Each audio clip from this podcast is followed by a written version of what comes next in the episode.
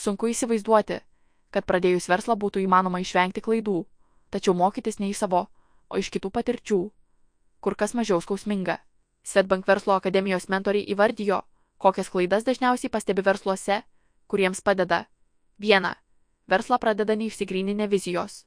Pasakau Čerio Povilo Petrausko pradėti verslą neišsigryninus vizijos. Viena iš pirmų ir vėliau daugiausiai kainuojančių klaidų. Verslo vizijos įsigryninimas nėra lengva užduotis. Ši užduotis reikalauja laiko ir didelių refleksijų. Asmeninių, kartu su komanda, su verslo coachingo specialistu ir ar su mentoriumi.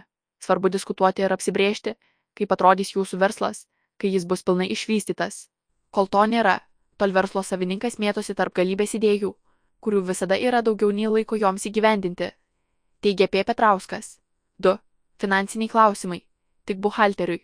Be nedažniausiai įvardyjama verslo klaida yra prastas finansų planavimas. Ekspertai pastebi, kad planuojant finansus smulkiems bei pradedantiems verslams paprastai pristinga sisteminio požiūrio, dominuoja intuityvus finansų planavimas bei manimas, kad visais finansų klausimais pasirūpins buhalterija. Verslo veikla turi būti matuojama ir nuolat vertinama. Dažnai jauni verslo kuriejai daro viską, tačiau neturi supratimo, kokia vykdoma veikla sukuria daugiausiai vertės verslui. Girdžiu ir tokias frazes. Skaičiai yra buhalterės darbas, tačiau tai yra įdingas požiūris, sako ACME grupės vadovas Ergej Artemiuk, kuris Svetbank verslo akademijoje taps smulkaus verslo mentoriumi jau antrus metus iš eilės. Finansų planavimas yra svarbus verslo sėkmės veiksnys. Planuodami finansus verslininkai gali numatyti poreikius, o atsižvelgdami į pokyčius biudžeto eilutėse, priimti pagristus sprendimus, kur nukreipti išlaidas į ką dėrėtų investuoti ir kaip toliau vystyti veiklą. 3. Neturi supratimo, kas sukuria vertę. Kartu su finansų planavimu atsiranda ir suvokimas, kas verslo veikloje sukuria vertę. Tai yra, kas generuoja pelną.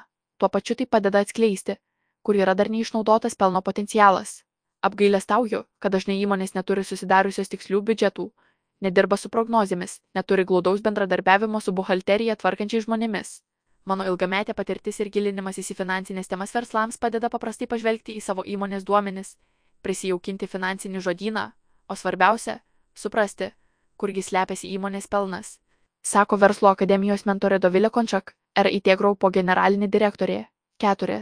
Rinkodara vykdo tik todėl, nes reikia. Kitokias problemas išvelgė Svetbank Verslo akademijos mentoriumi pirmą kartą tapsintis rinkodaros profesionalas Domantas Gailius, Inspiratuojam partneris, verslo plėtros vadovas, KOG instituto partneris ir steigėjas. Rinkodaros ekspertas pastebi, kad dažnai verslai į rinkodarą žiūri kaip į išlaidas, o ne įrankį, į kurį investuodami gali gauti norimą gražą. Rinkodara nėra kažkoks magiškas miškas, tai yra įrankis, kaip ir logistika, finansai ar kiti verslo veiklos aspektai. Tačiau net ir investuodami į rinkodarą verslai dažnai neturi aiškiai nusistatę, kokį tikslą jie kelia savo rinkodaros projektams ir nežino, kokia yra jų rinkodaros sukūriama vertė. Dar prieš pradedant rinkodaros procesus svarbu paskaičiuoti, kokią finansinę vertę gali sukurti planuojami rinkodaros veiksmai trumpuoju ir ilguoju laikotarpiu. Komentuoja Dėgailius. Pasak eksperto, skaičiavimai rinkodaroje yra daug svarbesni nei pasirašytos sutartys ar strategijos. Tačiau ir pradedantys, ir jau ilgiau veikiantys verslai neretai praleidžia tokius skaičiavimus. 5. Prastai pažįsta savo tikslinę auditoriją. Tikslinės auditorijos problemą nagrinėjanti mentorė Dėkončak pastebi, kad silpnas savo tikslinės auditorijos pažinimas yra vienas dažniausiai pasitaikančių iššūkių.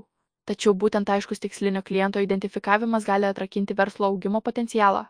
Asmeniškai siekiu, kad savo paslaugos ar produkto klientą vartotoją matytume ne tik kaip statistinį demografinį vienetą, kurį trumpai apibūdiname keliais žodžiais, bet suprastume, kuo jis gyvena, su kokiais iššūkiais susiduria, ko tikisi. Galbūt tai skamba gana sudėtingai, bet atliepti tokį poreikį tikrai nėra itin sunku.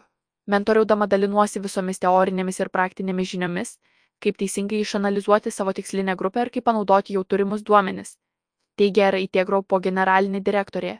Pasak Dėkončak, tikslinės auditorijos supratimas leidžia pritaikyti ne tik savo komunikaciją bei rinkodarą, tačiau ir pačias prekes bei paslaugas taip, kad jos atitiktų klientų lūkesčius, poreikius ir elgsenos ypatybės.